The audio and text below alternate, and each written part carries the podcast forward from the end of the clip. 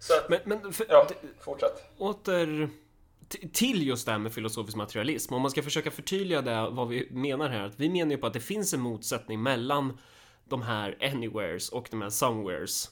Eh, alltså DM25s bas typ. Men vi menar ju inte att det nödvändigtvis måste finnas en motsättning i värderingsuppsättning eller i liksom någon slags moral typ.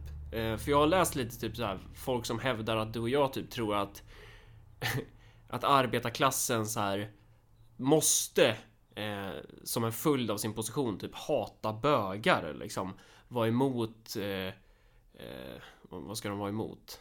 Men de är emot abort typ. Alltså att de måste vara liksom värderingsmässigt hur ska man uttrycka det, konservativa och så måste det inte alls vara. Utan motsättningen är ju snarare av en materiell karaktär. De, de kan ju faktiskt, de kan ju tycka liksom de kan ju hålla med varann i, i en fråga som rör Eh, ska, ja men hur, hur stor påverkan ska religionen ha på samhället? Så här, eh, ska vi ha jämställdhet ja eller nej? De kan vara helt rörande överens i det, precis som en, en kapitalist kan vara skitprogressiv i sina värderingar. Han kan tycka så här, nej men självklart så ska jag betala eh, liksom lika lön till mina kvinnliga arbetare som till mina manliga arbetare. Det är självklart för mig för att han är liksom skolad i svensk kultur. Eh, Men det, det förtar ju inte att kapitalisten har ett direkt objektivt motsatsförhållande till såväl kvinnliga som manliga anställda. Fast alltså, du, du tycker att du inte går långt nog. För visst är det så, Nej, om vi okej. tänker oss termen, alltså hur man, vad man tycker om män som sätter på andra män, fine. Ehm, men det som man måste förstå är ju att alltså, arbetare kommer alltid per definition att vara reaktionära. Av den enkla anledningen att den måttstocken som vi eh, avgör vad som är reaktionärt och inte är i sig en klassbaserad och liksom en måttstock som fyller en viss funktion för en viss klass. Jag kan ta ett praktiskt exempel, för det här låter säkert jätteabstrakt, men det är inte det. Uh, ordet zigenare.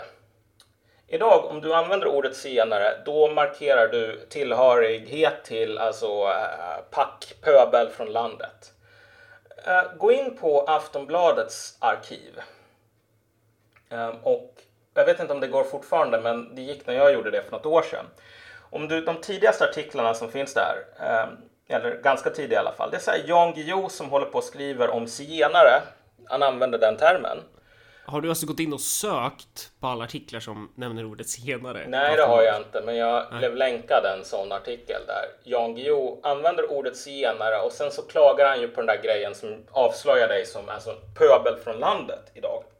Vilket är att så här ehm, medierna eh, är extremt nitiska med att typ inte publicera information i vissa fall, men om det är någon så här misstänkt som är svensk, okej, men då publicerar man den direkt för att alltså det här är, det är bra, det bekräftar den goda tesen, vilket är att svenskar är de som begår mest brott.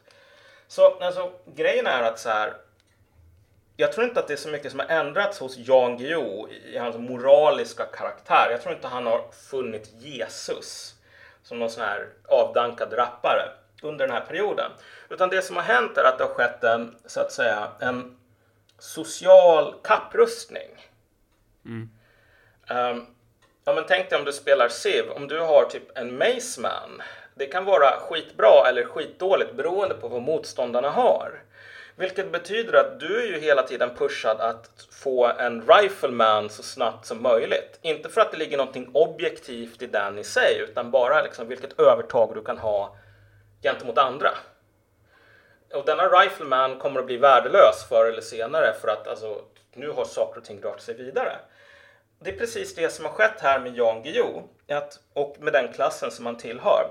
Att idag så finns det ett nytt språk som du måste bemästra. Um, idag är det så att om du liksom använder termer Alltså det finns massor med exempel så jag behöver nästan inte räkna ut dem. Så här. Men så här, det, det, så här, hur man talar om transsexuella till exempel. Alltså Kajsa Ekman åkte på en riktig jävla näsbränna för att hon, hon inte var snabb nog i det här språkliga biptestet. Hon använde transa en gång så här, i någon bok. Då skulle hon åka ut. Okej, men så har det inte alltid varit. Den här kapprustningen, att vi hela tiden upptäcker nya ord som är felaktiga, har inte så himla mycket att göra med ordet, utan det har att göra med att funktionen för ditt språk i, i de här fallen, det är att separera dig från en tillhörighet till den undre klassen. Och det är inte bara någonting som man gör för att ha kul, utan om du ska börja jobba på Sydsvenskan. Alltså, gör ett experiment bara. Alltså, tänk inte på tänk inte på att använda ord som tillhör den klassen som jobbar på Sydsvenskan, utan typ säg zigenare och sådana där ja. grejer. Se om du får ett jobb. Ja. Alltså, det är ju omöjligt. Mm. Ja, och, och det där har vi, jag tror att vi har pratat om det innan, men det här är ju också, den där typen av markörer är ett sätt att försvara sin klassposition. Alltså när, när personer utifrån den egna klassen kan börja göra samma profession som dig, Mm. Eh, så måste du hitta på symbolik som gör att du kan särskilja dig från dem. Typ såhär, vem som helst kan driva medier idag. Mm. Därför måste du hitta på attribut och symboler som skyddar ditt skrå. Och då kan till exempel eh, uttryck vara så. Men det, men det, okay, men, men det känns som att då, när du säger då att arbetarklassen måste alltid vara reaktionär, då menar du alltså att reaktionär utifrån den här eh, det här andra klasskiktet då, att de hela tiden förändrar positionen för vad som är okej att säga, för vad som är okej att göra, för att de hela tiden skyddar sin position. Ja, alltså så... om, om det försvann, alltså det skulle ju inte... Så här, ingen skulle vilja acceptera det. Fast då skulle man kunna vända på det och säga så här att det är egentligen Jan Guillou som är den reaktionära för att det är hela tiden han som retirerar djupare in och hela tiden försöker att, att slå vakt, att försvara eh, sitt område, sitt klassområde mot då andra människor. Ja. Och genom att göra det så, eh, men man gör det på ett sätt som man ramar in då de, den andra, alltså arbetaren, som att den är eh, bakåtsträvande. Som man, man kallar då arbetaren reaktionär. Förstår du? Visst, alltså det där är ju, det där är ju en perspektivfråga. Båda svaren är lika ja. korrekta alltså. Det, för, för, det beror på vilken man, alltså det beror på vilket klassperspektiv man utgår ifrån. Ja, men min poäng är fortfarande att så här, Ehm, för vi har ju fått kritik typ om att så här, vi säger att arbetaren måste vara Arbetaren måste värderingsmässigt typ tycka som, vem ska vi ta? Ja men som någon jävel inom typ amerikanska högern typ. Eh, och, det, och det tycker vi ju inte, utan vi, vi vet ju att så här, ja men eh, det, det är skilt, alltså du, du kan ha en värdering som eh, Du kan ha liknande värderingar som din, din kontrapart i, i klasskampen. Du kan ha, uh, men, men sen så, sen är jag ju helt med på det du säger, men... Ja, alltså, men, jo, det, men min poäng för att sammanfatta det här är så här att arbetare kan tycka nästan vad som helst i, i sådana här termer av, jag menar, typ sexualitet, whatever, liksom. Där kan man tycka vad som helst. Men vad de än tycker, så på det, det stora fel. hela, så kommer det vara fel. Ja. Alltså, vi kommer aldrig att komma till en punkt där folk på Sydsvenskan säger Fan vad bra, nu är vi klara. Därför att om de sa det, då skulle helt plötsligt Chang Frick vara precis Var, lika precis. Legitim. legitim som dem. Mm. Mm. Alltså det finns inte på kartan. Mm. Uh, och det är det som man har sett att alltså det är det är nu, märk det, det är nu som folk börjar verkligen säga alltså så här, i, i, USA att vi liksom står nära så här fascistiskt maktövertagande, Ku Klux Klan är på väg tillbaks. Uh, typ do, över Donald Trump. Alltså Donald Trump är inte en person som har nog med uh, intresse för saker utanför personen Donald Trump för att ens kunna vara särskilt bigott. Alltså, det är det som det är så fasansfullt tydligt med honom att det är så här. Och det är om man följer hans tal. Det var ju någon som bara på något sånt här tal, helt improviserat, så var det någon som kastade upp en sån här flagga med så här LGBTQ for Trump. Och han bara mm. ser att typ for Trump ungefär. Så börjar han hålla på och vifta med den och är så jävla glad liksom. Alltså idén om att det här skulle vara en person som bara, nej men vet du vad, alltså typ bögar. Uh, nej det går inte, de måste bort. När, när, när maktövertagandet är färdigt, det är bara så här. Alltså, vad, alltså så fort jag typ bara så här, tänker på Trump, jag kan, jag kan inte sluta skratta. Jag bara älskar fenomenet Donald Trump. Just för att det, det är så Jag vet inte, det är bara så... Ja. Ja, men, alltså, Folk, folk blir ju tokiga på honom. Och han är sånt jävla... Han är sånt jävla fuck you till de där människorna. Han bara går upp och så säger han så här. Han säger bara ordet winning 14 gånger i en mening. Och bara säger att allting kommer bli great. Och, att, äh, Men alltså, Geni. jo men precis. Men jag tycker Trump är också på många sätt ett sånt här, ett extremt bra exempel på att alltså där skon verkligen klämmer, det är alltså den här kapplöpningsaspekten snarare än åsikterna i sig. Jag menar, alltså Trump är en sån här person och det är det som är det som gör att folk hatar honom. Han är en sån här person som säger, vet du vad? Jag tycker judar, vi har mycket att lära oss av dem. För de verkar vara skitbra på det här med pengar. Vilket inte är en sak som man ska säga. Alltså det är så här extremt ehm, problematiskt på många plan liksom, av, av skäl jag inte behöver förklara. Men då skulle Donald Trump säga bara, va? Va? Och då? Jag fattar inte. Du vet, alltså, gå, kolla på Goldman Sachs. Kolla hur många judar det är som jobbar i toppositionerna där. De verkar ju vara skitbra på det där. ja. Så här, jag tycker att det är great. Ja. Eh, och det är så här att det är ganska tydligt att typ Donald Trump inte tänker längre än bara så här. Här har vi en grupp som verkar överrepresenterad på en sak som jag tycker är bra. Det betyder att den här gruppen ger mig positiva känslor. Det är inte så här. Eh, jag, jag, jag ger dem en komplimang för att det här är en komplimangen är en hemlig signal att starta upp typ gaskamrarna. Det är ju ingenting sånt. Men det är så här att han bryter mot den här eh, eh, vart kulturen i en viss klass har bestämt att här ska ribban ligga. Han, han, han spelar inte med i det spelet och det spelet finns inte bara för att så här medel och övre medelklassen är neurotisk utan det här är en selektionsprocess. Med Ja, extremt... Just, just den moralen är jätteviktig för att hålla sin klassposition. Men det, det, där, det där ser man ju också nu med så här, Fan vi tjatar om Navid Modiri, men det är för det skrivs så mycket om det också. Alltså, ja men hela det här tjatet om att att han är ett hot typ. Eller man är så jävla upprörd på att Navid typ tar in olika personer som bara sitter och snackar lite. Um, det är ju en del i det där också. Att Navid är ju ett otroligt hot mot det där skrået. Alltså, um, hela det här konceptet om så här intellectual dark web är ju oerhört obehaglig tanke för de där människorna som har haft monopol på vissa saker tidigare. Ja, och det, det roliga här är ju att de här människorna, alltså vad ska man säga, du och jag är ju inkluderade i den här listan på, du vet, i det här narrativet. Högerextremister som har fått en räkmacka serverad. Eh, liksom glidit in på, eh, du vet att så här, de har mångmiljonärer som backar dem för att sprida eh, hög, liksom brun propaganda. Och det vi levererar, det är ju bara så här vulgär marxistisk grå betonganalys typ. Men, men, Och så, ja, men, men, men det är bara så här, ja för det första, det finns inte så himla många, skulle jag tänka mig, intressenter där. Och sen kommer, jag kommer inte ihåg att så här, jag vet inte vad, alltså bröderna Koch hörde av sig bara. Jag hörde att ni skulle starta ett nytt så här, en kommunistisk podcast. Här får ni en miljon dollar.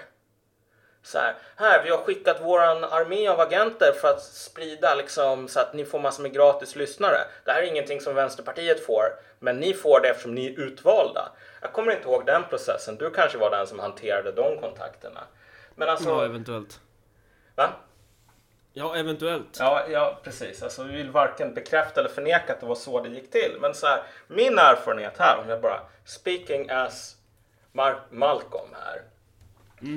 Jag upplever inte att alltså, den här lyssnarskaran har kommit som ett brev på posten från Putin. Ehm, så att alltså, det ligger ju någonting ganska konstigt i det här. Det, det hakar ju in i det som vi höll på att prata om för ett par dagar sedan när vi spelade in det här om slavmoral. Alltså att det här är ju människor som har räknat in att du vet, de vet ju på ett plan att alltså Navid Modiri, han blev inte stor på grund av att Svenska Dagbladet typ gick in som de har gjort med så här poddar som de samarbetar med. Alltså det här är inte typ Lilla Drevet eller någonting utan han körde sin egen grej och sen så blev han stor nog så att typ SvD till slut bara sa ja men vi skriver om det här för att då kommer vi få klick. Um, så, så, så, men återigen, man håller på och snackar om det här därför att det här är ett hot ett hot som är reellt. Om du ignorerar de sociala och kulturella koderna, om du använder ordet zigenare istället för romer, som liksom, och den övergången skedde ju i närtid, så att många av de som är mest så woke har typ använt eh, ordet zigenare om de är så här 40-50 någonting sådant. Så här. Um, men liksom, du vet, eh, så här, skit i det och du kommer aldrig att få ett jobb i den här världen. Problemet är när det kommer människor som skiter i det där och som inte respekterar reglerna och som typ inte behöver tigga om ett jobb. Men det är ju det som är så skönt att bara kunna prata helt vanligt i vissa av de här sammanhangen och folk de tittar ju på mig som om man är sjuk i huvudet typ. Där man liksom där man inte har, som jag, jag behöver ju inte bry mig om vad jag säger i princip. Ja, man kan slappna av och bara säga det man känner. Det är väldigt skön känsla. Och så ser man andra personer som är i positioner där de typ, de kan bli av med jobbet om de pratar på samma sätt. Ungefär. Mm. Även fast de kanske håller med en. Mm. Uh, det är ganska intressant. Men fan, ska vi hoppa tillbaka till så här DM25? Det känns som att jag... Uh, men, men just, just, just den här tendensen i alla fall, att, att man det är ett klassiskt som faktiskt har intresse av att transcendera bortom nationalstaten. Just det där skulle jag vilja prata mer om, eller lära mig mer om, just det här med varför? Varför eh, går de här klasserna åt de håll som vi uppfattar att de går åt? Eh, och, och vad består egentligen motsättningen mellan arbetarklassen som bas eh, och den här, det här mellanskiktet då?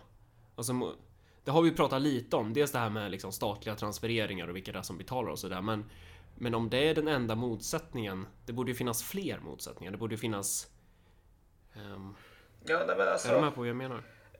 Det, det, har, att göra med, har att göra med att den här omstruktureringen av våra ekonomier gör att du får den här klassen av um, um, dessa människor som verkligen, de har ingen nation på ett sätt som, jag menar Marx sa ju det om proleterna, men alltså, alltså det här med att proletärer har inga länder. Ja men det är jätteklassiskt slagord inom vänstern också, så arbetarklassen har ingen nation. Ja men alltså, och det är bara så här, okej okay, men... Och det där, det där är också så jävla abstrakt taget från den historiska kontexten så här. Just den internationalismen. Eh, för, att, för att det handlar ju om något helt annat, alltså det handlar ju om en historiespecifik eh, period då arbetarklassen hade liknande intressen i typ alla västeuropeiska länder.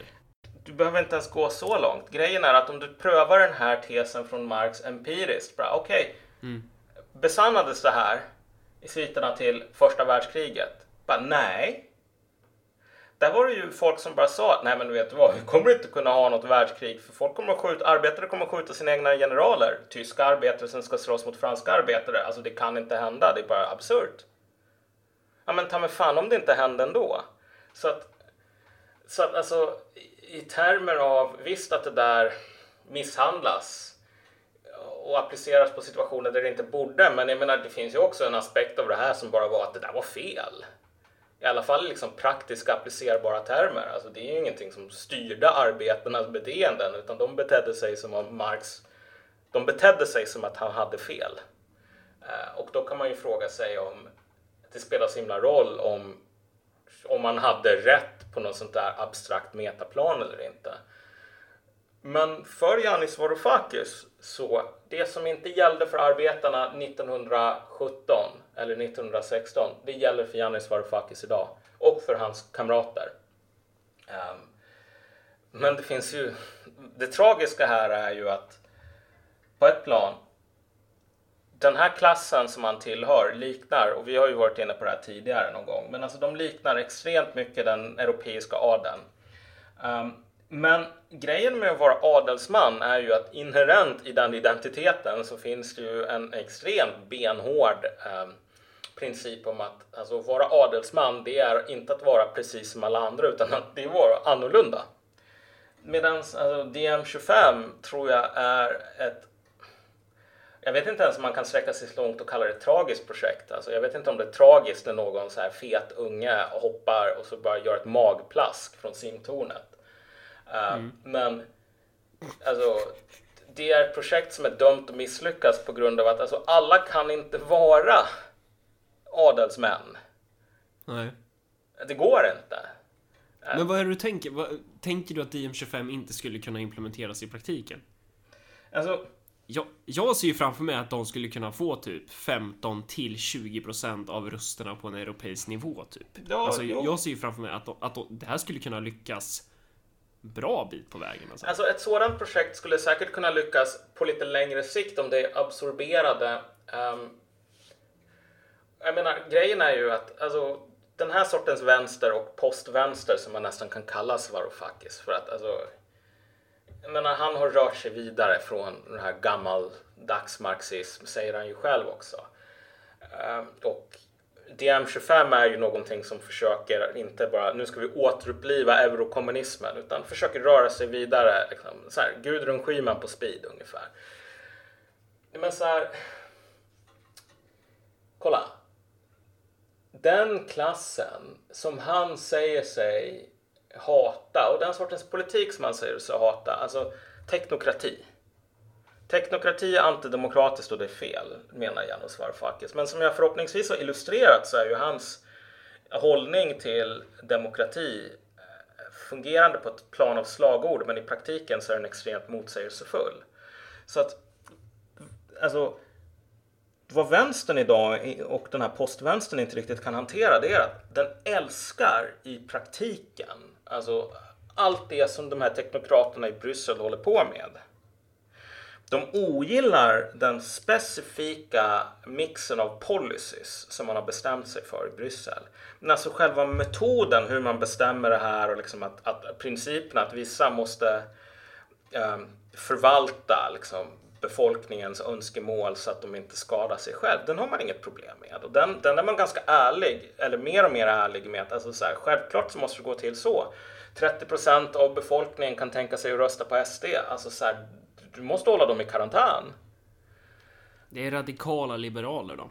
Det är radikala liberaler, precis. Men alltså, för Janusz Varoufakis så kan jag inte säga, men du, det här är människor i min klass som jag måste övertyga om att min lösning är den bästa. Eller han kanske gör, han kanske är så iskall så att privat så säger han, jo men du vet, de här är ju, det är vårt folk, teknokraterna i Bryssel, men de har fel om sina specifika idéer.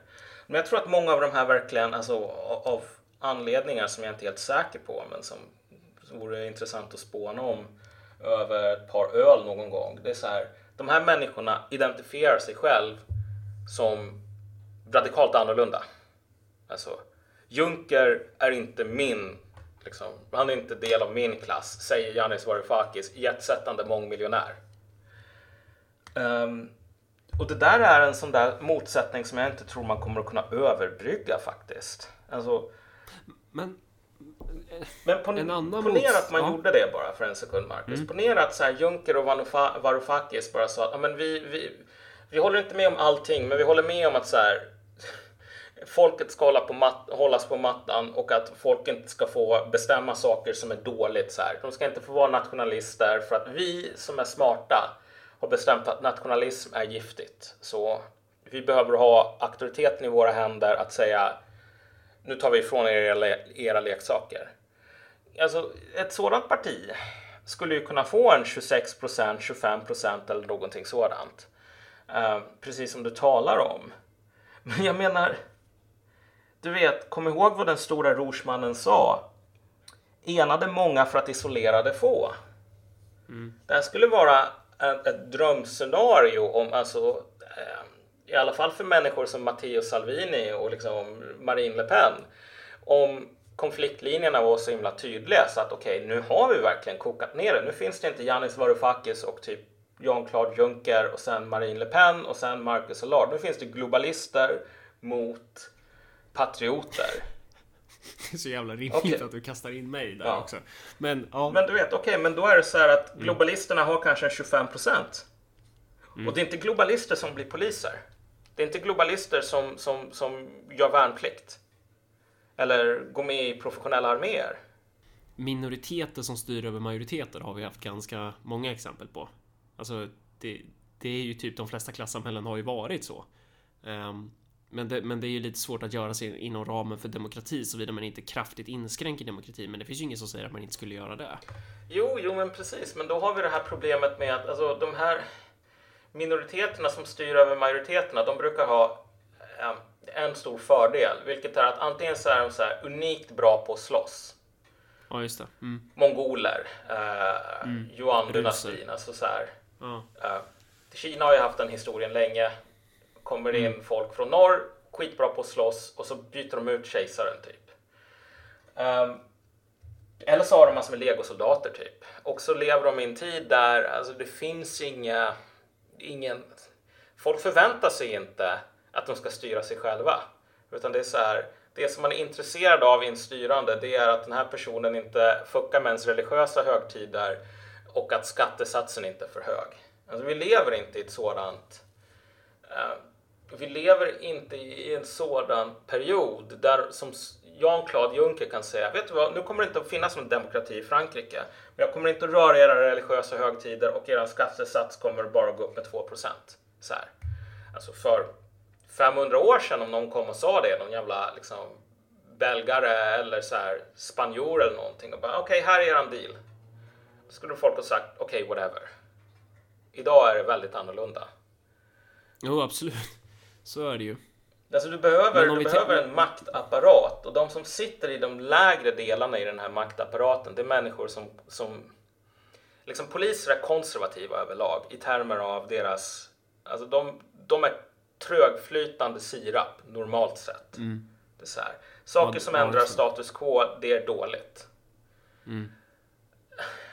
Ja, det, det har jag fått höra när jag värvade Peter Springare till ÖP. Då blev jag uppringd och så fick jag förklarat att poliser är i sig själva kons- alltså reaktionära. Ja, nej men alltså det, det- finns, jag tror ja. att det finns massor Ja, det med fin- anledningar ja, det till finns att alltså, det, det, det, det är inte en hård och fast regel, men det tenderar åt det Nej. hållet. Så här. Ja. gjort det över historien. Nej, men jag förstår, jag förstår vad du menar liksom. Det är ju själva idén av att, av att vakta ett system så. Ja. Sen kan man ju lägga olika idéer i det. Det du säger är ju inte att alla poliser är fascister typ. Nej, nej, nej, Mm. men alltså absolut inte. Det enda som jag menar är att de är en, en trögflytande kraft politiskt. Om du säger nu ska vi ändra på någonting, det spelar ingen roll nästan vad, då kommer de att säga jag vet inte. Om det nu inte är så att man ska ändra på deras lön. Nej, men allting blir ju deras huvudverk i slutändan. Ja. Alltså det är ju de som ska vara den yttersta, yttersta garanten för att det där ska ske. Men vad tänkte jag på? Men, Alltså, men, men kolla, jag hade bara en poäng här, vilket var att så här. Mm. Jean-Claude Juncker i, i det här, om du- vi tänker ditt scenario med den här klassen, en liten minoritet som, som säger att okej, men nu är det slut på liksom sagostunden, demokrati, ni vanliga pöbeln är inte värda nog det. Alltså du behöver skriva om massor med konstitutioner, du behöver göra saker som är liksom de facto olagliga. Det är väldigt svårt att se hur polisen, som skulle vara en av de grupperna som skulle bli fuckade extremt hårt av det här, därför att de ingår inte i den här kaderklassen naturligt, eh, skulle med sin inherenta tröghet, konservatism, eh, inräknat säga, vet du vad Jan Claude Juncker, du säger att du vill göra revolution, men vet du vilket det mest revolutionära subjektet i hela samhället är? Det är polisen.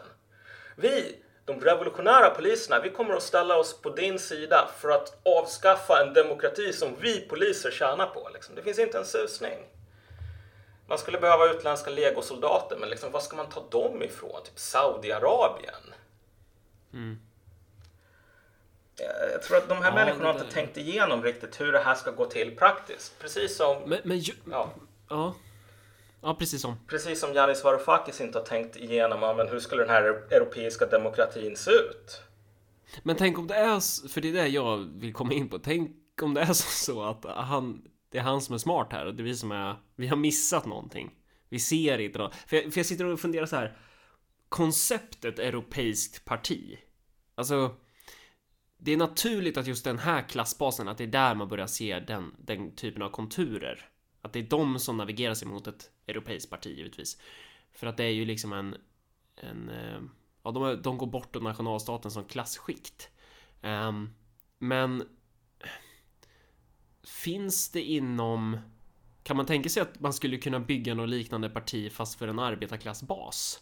Alltså att, att överhuvudtaget, för DM25 skulle väl inte finns det på kartan att de skulle kunna föra en politik som lockar arbetarväljare? Om man tänker på ett europeiskt plan. Nej. Alltså vad är det som Nej. säger... Nej, okej. Alltså, Varför? Jag menar Jag, jag tänker spontant att det inte är så, men, men varför? Varför är det så då? Jag menar, Vad är det vi tänker? Alltså två anledningar. Därför att alltså, den klassbas som partiet har nu Ja, är sådan så att den kommer inte att föra en politik som motarbetar den klassen som finns i partiets intressen på bekostnad av en klass som inte röstar på partiet just nu och som inte är en del av partiet Mm. just nu.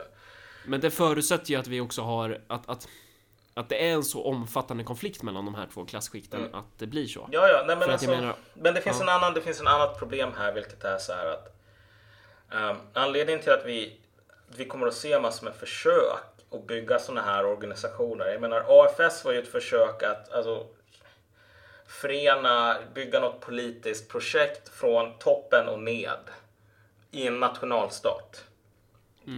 Medborgerlig samling likadan, likadant. Precis. Um, och det, det har inte gått så bra för en del av de här. Medan de partier som har gått bra för har, alltså de har börjat ganska lokalt och så har de samlat på sig mer och mer trupper och så har de vunnit lokalt och sen har de vunnit lite större lokalt och sen har de slagit sig igenom. Så gick det för SD också.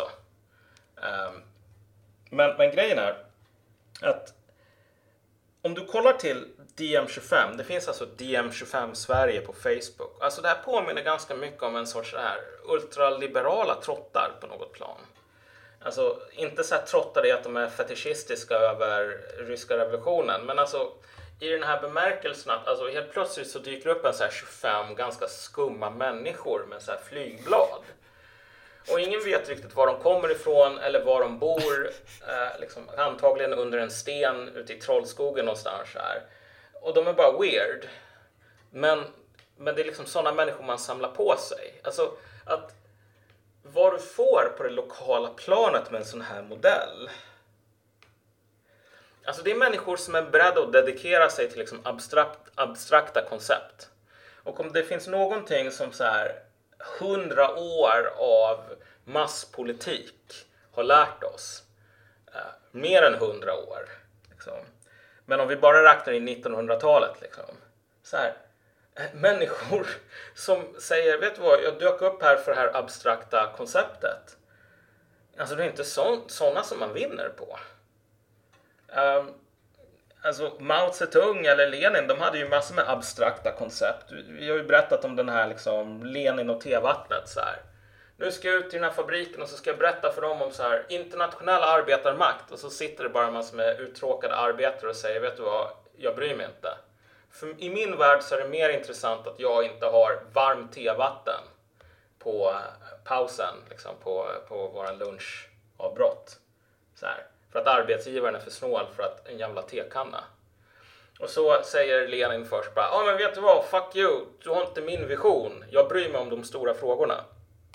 Sen så kommer han tillbaks efter att han har fattat att så här vinner man inte på och säger okej, okay, vi kommunister, vi är de som kommer att leverera tekannor. Mm. Alltså, Med varmt tevatten. ja precis, ja, varmt tevatten. Uh, och grejen är att att bygga från toppen och nedåt. Det som förenar dig är alltid, det är inte en intressegemenskap i slutändan. Alltså inte en stark intressegemenskap som är liksom beprövad, som har arbetats fram genom trial and error. Utan det är så här, vi tycker ungefär samma sak av lite oklara skäl. Um, och du kommer att få människor som är beredda att göra vissa saker och dyka upp och se konstiga ut med lite så här um, pamfletter. Mm. Men alltså, det är ingen som, alltså det är hårt arbete att bygga såna här, och bygga organisationer. Det behöver inte jag berätta för dig. Så här. Eh, Men det är hårt arbete och så här, det Ja. krävs en mer hård och fast motivation. Det är en jävligt bra poäng du gör för att det där är verkligen vad man har fått erfara praktiskt och det där försökte man ju också prata lite med Navid om när jag var där fast eh, eller jag försökte, försökte. Det där borde jag ha pratat om för det där är kärnan i det. Istället så satt jag säkert och svamlade om något annat. Men, men det där är verkligen så här. Hela processen med Örebropartiet har ju varit att man går från den här idealtypen med att man har idéer, åsikter, en uppfattning om världen.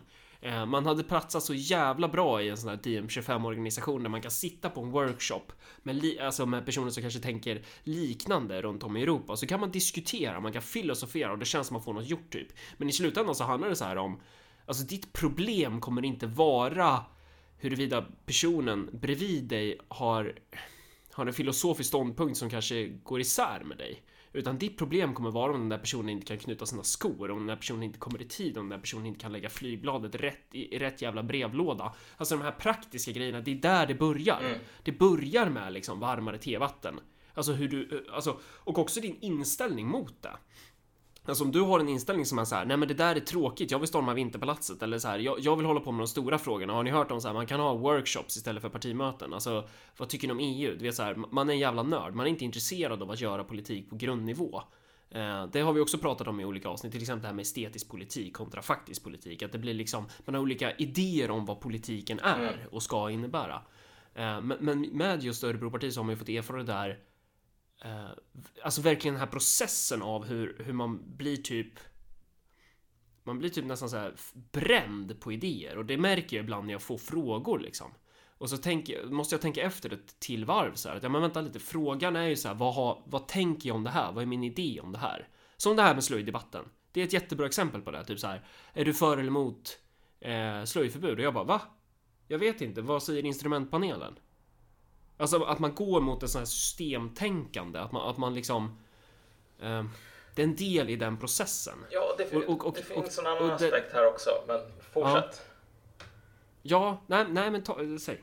Nej, men jag tänkte bara säga att visst, alltså den där, den, den praktiska biten är extremt så här avgörande och egentligen skulle man kunna sätta punkt där. Men det är också så här i termer av den här modellen från toppen och ner glömmer någonting väldigt annat centralt för politiken. Det är inte bara så att du behöver en organisation och du behöver människor som lägger, liksom, som dyker upp och sånt där. Utan det är också så att vi människor har en tendens att glömma att vi är bara liksom den här apan som sitter på axeln i Pippi Långstrump och håller på och tjattrar. Vi är bara en lite mer avancerad version av det. Så att alltså så här, vi har liksom en hjärna som vi har ärvt från liksom våra reptilförfäder som är hur gammal som helst och som funkar på väldigt basalt. Eh, och sen så har vi så har naturen bara lagt på lite extra delar. Det är så naturen brukar funka, att den bara lägger på grejer ovanpå andra grejer så här, snarare än att den bara omdesignar saker från, från, från scratch. Eh, så att våra, våra delar av hjärnan som är, resonerar i sådana här abstrakta idéer tillkommer extremt sent, både liksom evolutionärt men också så här att alltså, du har ju inte en färdigutvecklad hjärna innan du är 25, typ 24, 23 någonting sådant. Och de här idéerna som typ man älskar i DM25, alltså alla de bitarna, de här abstrakta principerna, det är den biten som är klar sist. Och det finns en poäng här, vilket är att Partier funkar ju likadant som mänskliga hjärnor. Ja, jo men alltså så här att ehm, Nej, inte så att liksom partier växer okej. över tid, utan så här Ja. att folk tänker alltid att ja, men du vet, politik det handlar om såna här rena abstrakta idéer. Men om du ser på de, som, de här politikerna som idag är extremt framgångsrika ehm, och det här hatar man ju dem för. Men det är så här, de gör precis det som sossarna gjorde själva när de var extremt framgångsrika. De fattar att så här, mänskliga relationer, eftersom vi är typ avancerade apor eh, snarare än super-androids. Alltså, det finns bara ett par olika variationer på mänskliga relationer och vi är typ byggda för att leva i du vet, så här, familjer, delar av liksom lite större grupper, bla bla bla. Men du kan ta alltså de sakerna som våra hjärnor är byggda för och så kan du bara liksom dra dem lite längre. Så liksom ett politiskt parti, när sossarna var som starkast, då var det inte på grund av att de hade så här mest eh, eh, vad heter det nu, såna här studiecirklar. Okej, de hade massor med studiecirklar, mer än vad de har nu. Men de hade alla de här studiecirklarna för, för att de var så himla stora. Och de var så himla stora på grund av att sossarna på den tiden, det var så här en sorts liksom modern version av en jävla klan. Du har din lokala sosse som är inte din kompis, men han är din gudfader. Du går till honom när du har ett problem Och så säger du jag behöver få det här problemet löst. Han bara säger vet du vad? Liksom, du är min undersåte liksom. Du är en av mina arbetare. Jag kommer självklart att ringa till Stockholm och få dem att lösa det här problemet. Du berättade ju för mig någon sån här rolig anekdot om, vad var det nu? Hen är det Harald eller? Ja, nej men alltså Henry Allard och den här Henry Allards dotter var det väl liksom, eller vad var det? han sitter ju i kommunstyrelsen, eh, eh, Roger. Ja. ja men han berättar ju liksom om att det är en av de här äldre sossarna Ja. som sitter i kommunstyrelsen. Nu, nu kanske jag förvränger hans anekdot här, men det gick någonting i stil med eh, Ja, men han berättade i alla fall att han, han, han skulle skjutsa min farfar typ. Ja, jag hade ju lovat att skjutsa Henry. Och det var ju samma dag som Henrys flicka kom. Jag bara, vadå, menar du Gunnel, min faster? Eller vad? Gunnel? Nej, nej, alltså Henrys flicka. Ja, han hade bara en dotter. Ehm, nej, men så här var det. Min fru skulle till och börja föda. Men jag hade ju lovat att skjutsa Henry. Så jag sa så att eh, vi kör Henry.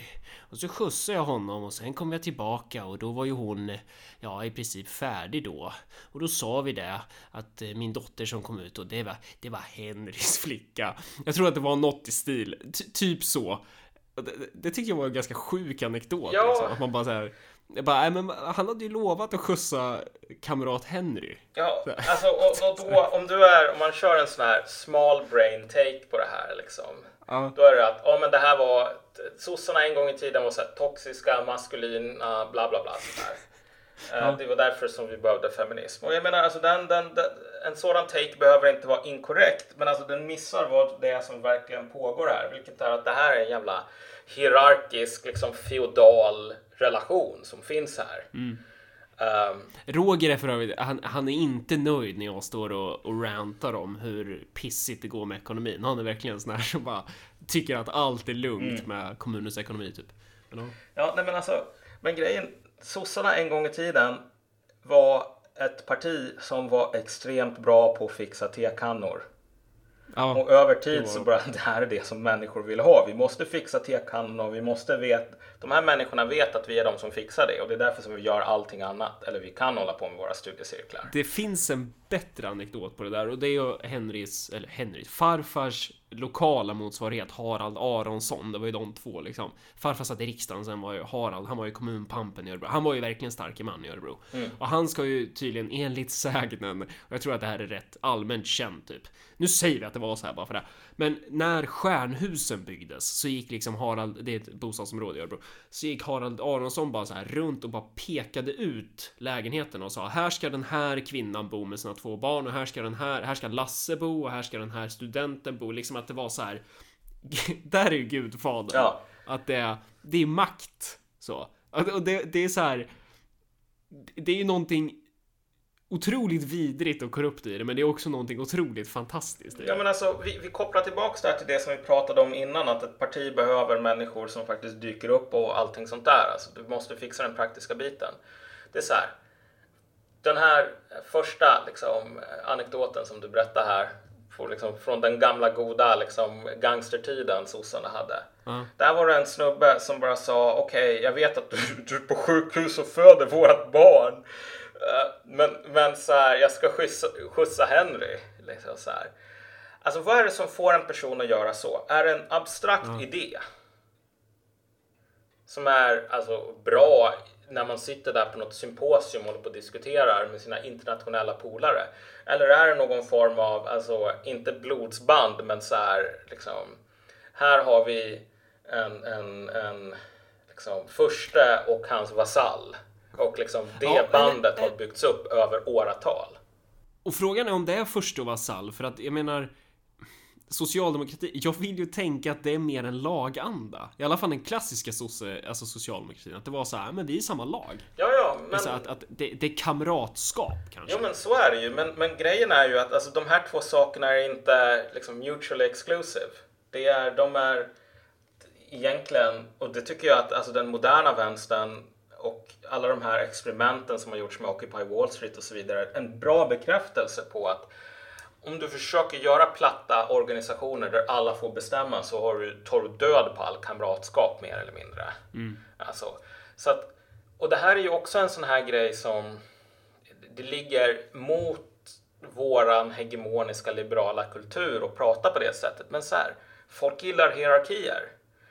Um, jag menar, alltså om, jag ska ta, vara så här riktig liksom sappy här och tänka så här att jag menar anledningen till att så här, jag har slösat bort massor med eh, tid, värdefull tid jag kunde spela World of Warcraft liksom på, på liksom eh, din och min relation och allt det här mm. är ju inte bara för att vi är liksom bra kompisar utan det är för att här finns det liksom fortfarande en hierarki av kompetens liksom, när det gäller um, eh, eh typ partibygge till exempel. Alltså, poängen här är att alltså, folk normalt sett, när de väljer frivilligt och liksom bli en del av någonting så behöver det inte finnas någon sån här förljugen idé om, om en så här, alla människor är likadana eller liksom sånt där. Um, och jag menar, de gamla sossarna var hierarkiska, ja. Um. Och de var egentligen... Men det är också... Alltså de... Hierarki är ju, alltså det, det, kan ju vara otrolig jämlikhet, ja. fast det är ordning på det. Men alltså så här, grejen är att om du tänker dig någon sån här armé som liksom går ihop på grund av att um, liksom någon så här befrielsearmé som ska slåss mot tyskarna. Så här. Den armén eh, kommer nästan alltid, om den inte är djupt dysfunktionell det här är liksom människor frivilligt slåss för ett ideal. Det kommer att utveckla hierarkier. Det kommer att finnas meniga och det kommer att finnas fanrikar och det kommer att finnas löjtnanter och överstar. Även när det är så här, ingen tvingar dig. Därför att alltså, folk är helt okej okay med att ha fanrikar och eh, meniga och löjtnanter och överstar. Därför att det är det enda sättet som du kan få en fungerande armé på. Och dessutom så här, om, om alla gör det här frivilligt och ingen tvivlar på att den här löjtnanten sitter där för att, av bra skäl. Alltså vad är det för problem med att lyda hans order? Um, jag menar, det är det som man ser och det är det som alltså liberaler hatar om man nu ska koppla tillbaks till typ någon som Sonesson. Uh, de, eh, Stockholmsmoderaterna försöker sänka honom genom att appellera till abstrakta idéer, vilket är att moderater aldrig eh, höjer skatten. Mm. Och eh, alltså kommentarsfältet fylls av människor som säger du håll din jävla käft. Om mm. Sonesson höjer skatten, då är det bra, för det är Sonesson som höjer skatten. End of discussion. Mm. Så här. Återigen, vad får folk Eh, och liksom, vad får folk eh, att vara lojala på det sättet? Ja, det är ju inte idéerna. Utan det är ju att den här lojaliteten inspireras av någon form av klient-patronus-system här.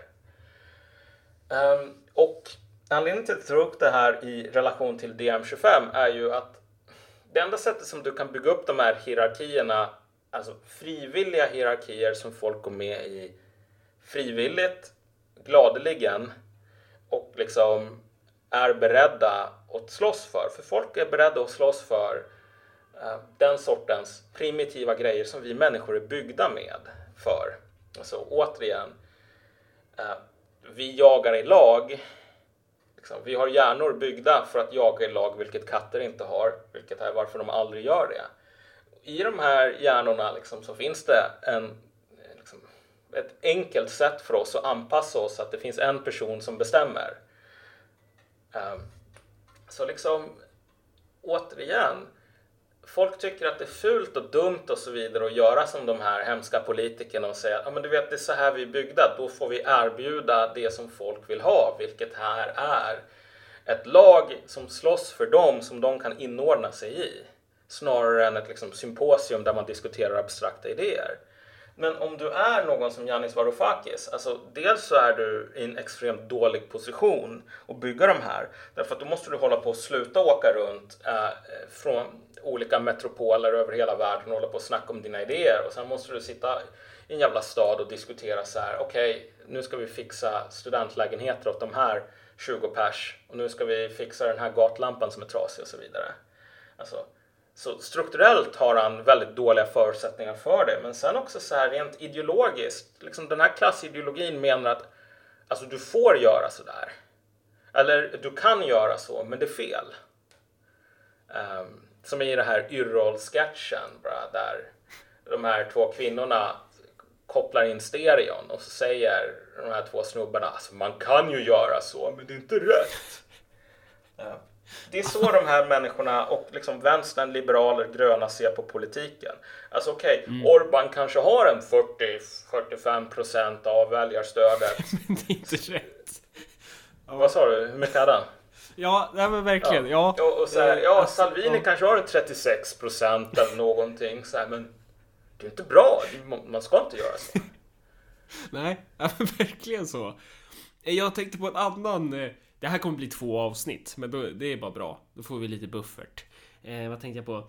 Nej, men det här som vi pratade om, eh, så här, hjärnor. Att de utvecklades ju med olika funktioner över tid och det, det kan man ju se på sinnen också. Att vissa sinnen kommer före, nu kommer inte jag ihåg vilka sinnen som var först, men jag har för mig att typ så här, känsel kanske var före syn och så här, lukt och hörsel var väl någonstans däremellan kanske. Att det är liksom, vi utvecklar ju typ förmågan att känna saker, alltså nerver, utvecklade vi ju innan förmågan eh, att ha filosofiska resonemang. Eh, och jag tror att man kan se liknande på typ partier.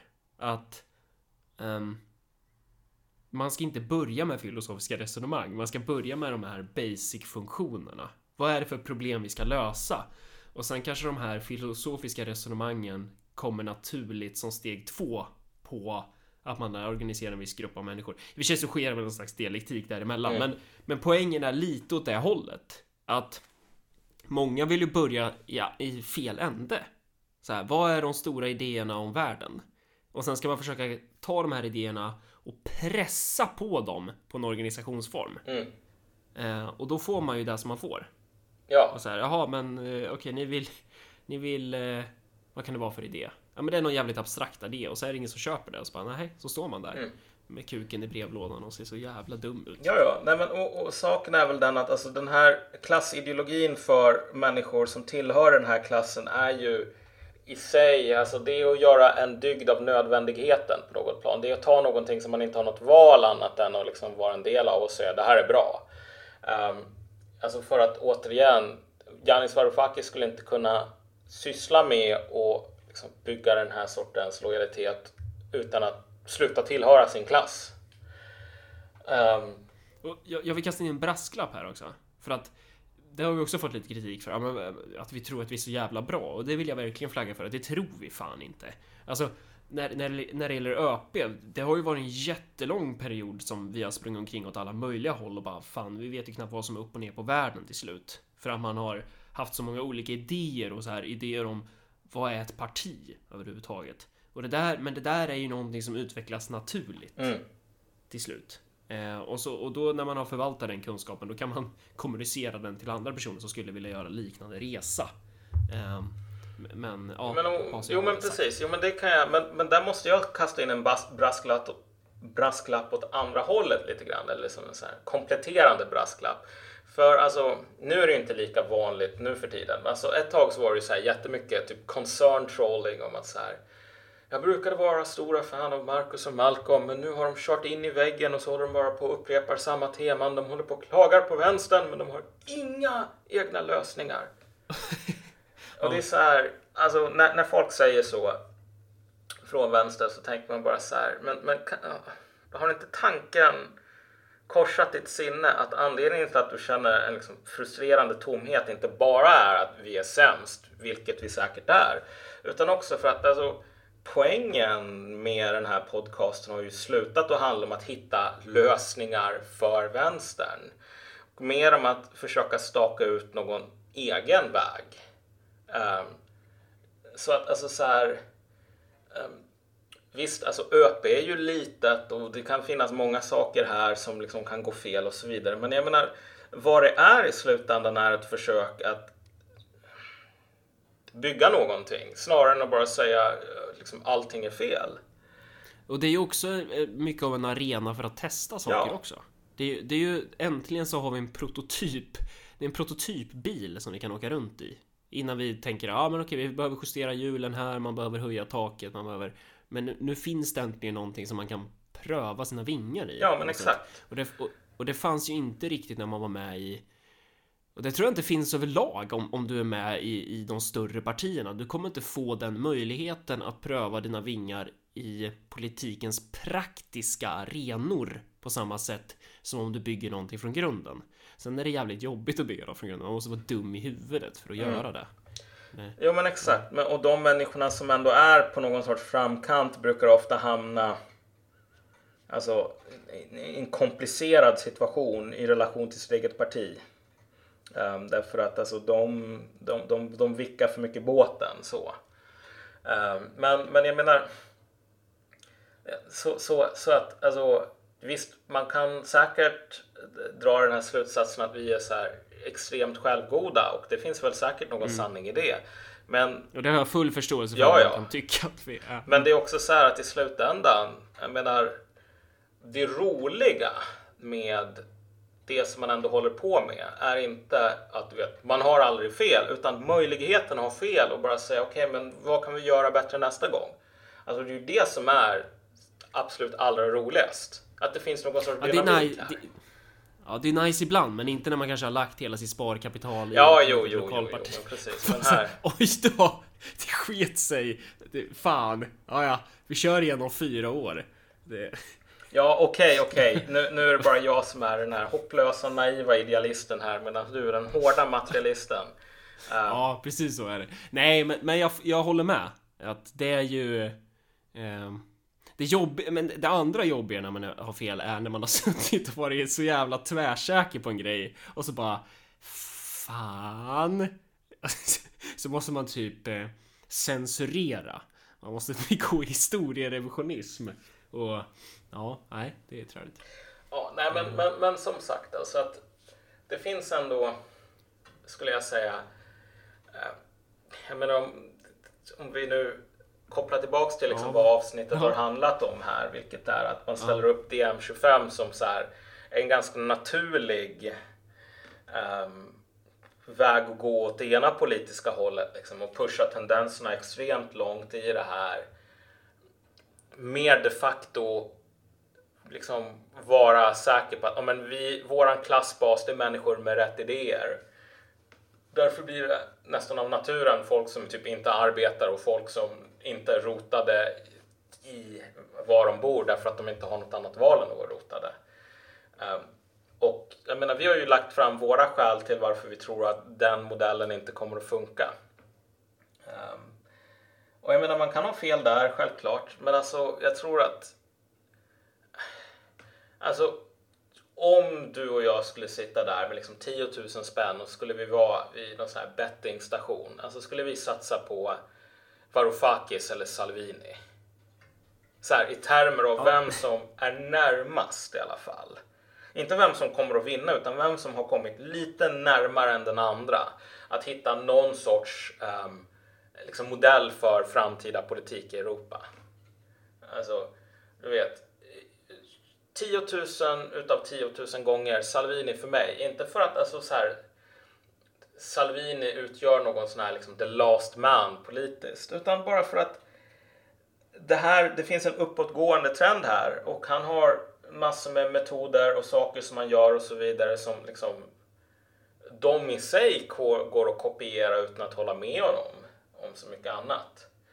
Eh, men och för att återkoppla till det som du sa nu, alltså, eller som du sa innan det här med liksom värderingar i relation till arbete. Att så här, nej, det finns ingenting som säger att eh, homosexuella måste, eh, eller att arbetare måste tycka illa om typ HBTQ. Alltså det finns inga anledningar egentligen till att alltså, arbetare måste tycka att parti X eller parti Y är bättre. Annat än så här materiella förutsättningar. Um, och det finns ingenting som säger att de här populisterna som vi ser från högern har utnyttjat all potential där eller liksom inte bär på massor med egna motsättningar själva internt. Mm, exakt. Men alltså motsättningarna... för det ska man ju komma ihåg att så här, varken du eller jag tror ju att högerpopulisterna innebär historiens slut. Nej, nej, nej. Att så här, de visar ju bara på nya öppningar och det, det, det, du och jag skulle ha gjort om vi hade haft den möjligheten, det är ju att vi skulle ju inte fört exakt samma politik som de hade fört. Utan vi hade nog bara dragit upp den här liksom arbetarklassintressen. Den spaken upp till max. Bara. Ja, Och och, avslutningsvis, det här är någonting som man kanske kommer komma in på när vi väl gör det här avsnittet om varför vi är kommunister. Men alltså Ja, en sak vad- som vad fan vi över menar med det, tid- typ. Ja, jo men precis. Mm. Det här avsnittet som definitivt kommer att komma ASAP liksom. Kommer inte att skjuta Ja. på det efter, vi, som vi har gjort förut. Absolut inte. Men alltså en av de sakerna som man har eh, hamnat i ju äldre man har blivit och ju mer liksom ja, jag skulle vilja beskriva det som en intellektuell mognad men andra människor kanske kan beskriva det i rakt motsatta termer. Men det- Du har blivit Ja, fascist. precis. Men alltså det, det som jag känner nu inför typ, ta arbetarklassen och så här, Ja. SD. Liksom. Det, det är stora dilemmat i vänsterns värld. Jag känner så här, you go girl.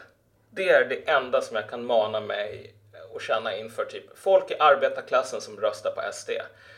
Inte så här, vad fan håller du på med? Whatever, liksom. Fattar du inte att du är min undersåte? Liksom, du tillhör mig? Något sådant. Liksom, så här, fuck that.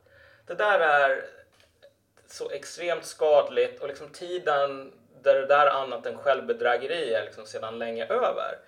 Utan så här, om du är vem som helst, men liksom i det här fallet specifikt arbetare. Om du röstar på SD för att du upplever att de eh, gör saker som ligger i ditt intresse, bra. Alltså så här, det finns ingenting som är problem med att jaga sina egna intressen. Det är liksom hela premissen för marxism för övrigt.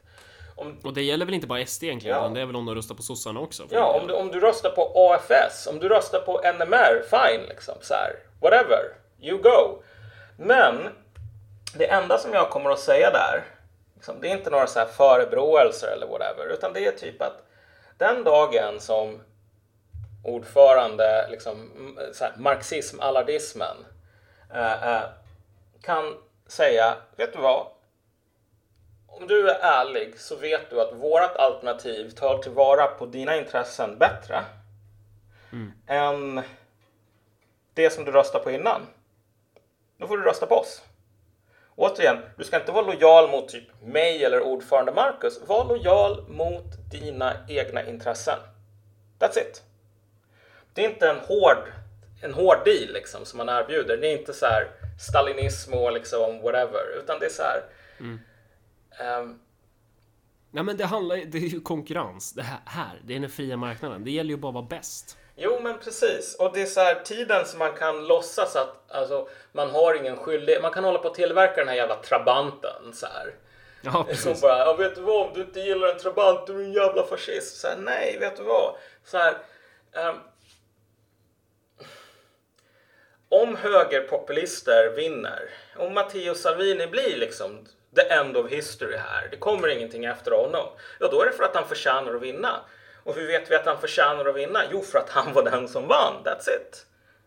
Um, och jag menar, i så fall, då är det uh, inte någon som du och jag har att skylla på än oss själva. Och så här, om... Nu kommer vänstern aldrig komma ut sin slavmoral så att man, man, man fattar den här poängen. Liksom. Och det har jag inget problem med därför att alltså, det gör saken enklare för oss. Men tiden där man kan hålla på och klaga på människor för, för liksom, du vet, de röstar inte som de ska. Liksom. Vad har du gjort för deras lojalitet? Så här, du, det, det, ska man vara någon sån här konstigt vagt definierad kommunist, whatever, liksom, i våran tid, du och jag. Grundsatsen här blir att aldrig igen kräva lojalitet som man inte har förtjänat. Och det är inte vi som avgör om vi förtjänar lojalitet, utan det är dem. Det är faktiskt liksom, det, det, det, den sortens respekt som inte är någonting som vi är fritt given vill man inte ha liksom, för den är inte värd någonting. Um, förstår du vad jag är ute efter här? Jag förstår helt vad du är ute efter. Du är ute efter den gamla klassiska devisen tjäna folket. Jo men precis. Och jag menar den som inte tjänar folket, den har ingenting och vänta och den förtjänar inte någonting. Um, så återigen, typ, i den här världen av politiska örnar och politiska lamm, um, hellre är jag en örn än ett lamm. Hellre är jag en person som liksom eller hellre är en del av någon sorts politik som säger att okej, okay, men vi kommer att vinna för att vi är bättre, inte för att vi ringer typ till linjedomaren eller typ till försöker få universum omstartat därför att universum inte belönar dem som är sämst. Mm. Så alltså rösta på Salvini eller Åkesson eller Le Pen eller whatever liksom. Rösta på exakt det ni vill.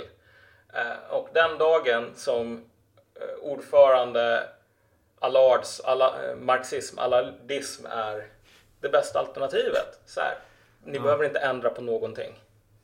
Utan mm. fortsätt som ni alltid hållit på så kommer saker och ting att lösa sig. Men eh, ja. Nu, nu känns det som vi har två avsnitt där i alla fall. Ja, jo men precis. Då ska vi försöka, då, ska, då får jag väl lägga in någon... Eh, jag får väl säga något, för folk... Det tycker jag är lite kul när folk så skriver till mig bara så här. Avsnittet slutade så tvärt. Ja, jag klippte det mitt i. Det är två avsnitt. Men eh, ja, det, sen, sen, missade jag några grejer i introt här och det är Jonas Deichman har skrivit till oss på Facebook. Eh, bland annat till dig Malcolm. Han undrar om du har läst Taleb Antifragile. Någonting. Du får jag har hört talas om den men jag har inte läst den. Nej, och sen så frågar han vad vi tycker om Andrew Young. Um, Alltså... Är det han eh, asiaten som kandiderar? Ja, men precis. Amerikanen med asiatiskt påbrå som kandiderar i USA. Nu vet jag att Marcus börjar alltid skriva, skruva på sig när det är så här, jag säger att vi ska göra ett avsnitt om någonting. Men alltså, du kommer att få svaret på det uh, förr eller senare. För vi ska nog ta och göra ett avsnitt om så här Universal Basic Income och då han är ju... Jaha, det är det som är UBI? Ja, alltså han är ju den kandidaten som ah. lovar tusen young bucks i månaden och så liksom kommer allting att lösa Fan sig. vilken idiot! Men vi har ju gjort ett avsnitt om Men det. precis, men alltså vi... vad fan, alltså det... Nu har det blivit mycket mer av en meme och nu har också, tycker jag i alla fall, att det blivit mycket tydligare. Alltså, förut var det lite indie att vara för medborgarlön. Men alltså nu är det inte så himla indie längre och av det kan man dra ett par slutsatser som jag tror är, är okay, ja. bra att komma till. Så alltså, du kommer du att få ett mer utförligt svar på den frågan. Om du tror att vi har content där så kan vi köra på det. Ja. Sen så skriver Alexander Sjöström på Patreon här också. Eh, jag tycker inte om hanrej för att det är så tråkigt att säga. Kack är ju ett så mycket bättre ljud att stöta Jag ut. håller helt med. Men om man ogillar men om man ogillar svengelska så fungerar alltid kuvad nästan lika bra. Ja, det är sant Alex. Det är en viktig poäng det där. Ja, nej men alltså jag, jag skulle nog föredra kack framför kuvad även så här. Så jag hatar normalt sett när folk ska hålla på med svengelska, men egentligen så här, alltså ibland så får man alltså, fan. Det är ju så här, det är Marcus och Malcolm och Paradise Hotel där man säger ordet fucking innan. Ja, jag vet. Jo, men precis. Alltså så här, låt den utan synd kasta den första stenen och så vidare. Ska vi söka till Paradise Hotel? Eller? Nej, nej. Det, det blir Fatta vad kul. nej, okej. Okay. Ja, nej. skiter vi där då. Eh, om man vill swisha Marcus Malcolm så swishar man till 0790 1072 23. Ska man skriva, om man inte vet vad man ska skriva kan man, gå, kan man skriva gåva. Eller så kan man skriva precis vad man vill och så kanske vi läser upp det om det är kul. Och det inte är så många andra som swishar. Eh, sen kan man bli en Patreon också, hoppas jag att man kan. För våran Patreon är on hold nu. Jag vet inte, de, de håller på att kolla på det, så jag vet inte vad det betyder. Men ja, eh, ska vi... Ja, nu skiter vi i det här då. Ja. Ja, Hej. Ha det bra. Hej.